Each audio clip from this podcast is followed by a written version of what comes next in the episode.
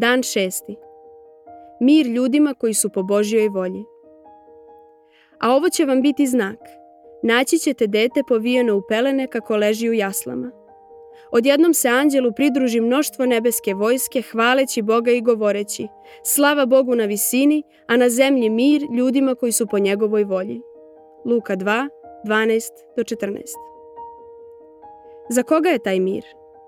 U ovom anđelskom hvalospevu ima jedna mračna nota.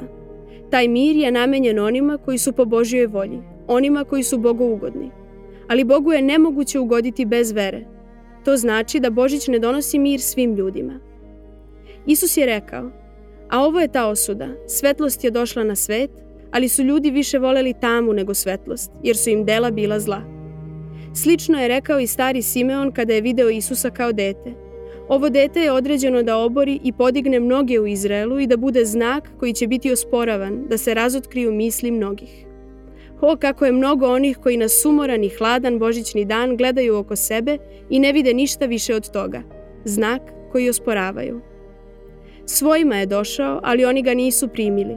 A onima koji su ga primili dao je moć da postanu Božija deca. Onima koji veruju u njegovo ime.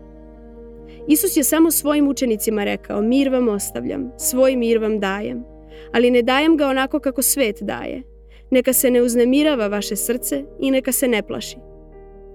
Božiji mir koji prevazilazi svako razumevanje uživaju samo oni koji u svemu, molitvom i molbom pokazuju Bogu za šta ga mole. Vera u Božija obećanja je ključ koji otvara kovčeg s blagom Božijeg mira. Zato se Pavle ovako molio – a Bog nade neka vas ispuni svakom radošću i mirom u veri.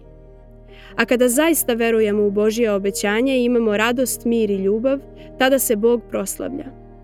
Slava Bogu na visini, a na zemlji mir onima koji su po njegovoj volji. Mir svakome ko veruje, iz svakog naroda, jezika, plemena i narodnosti.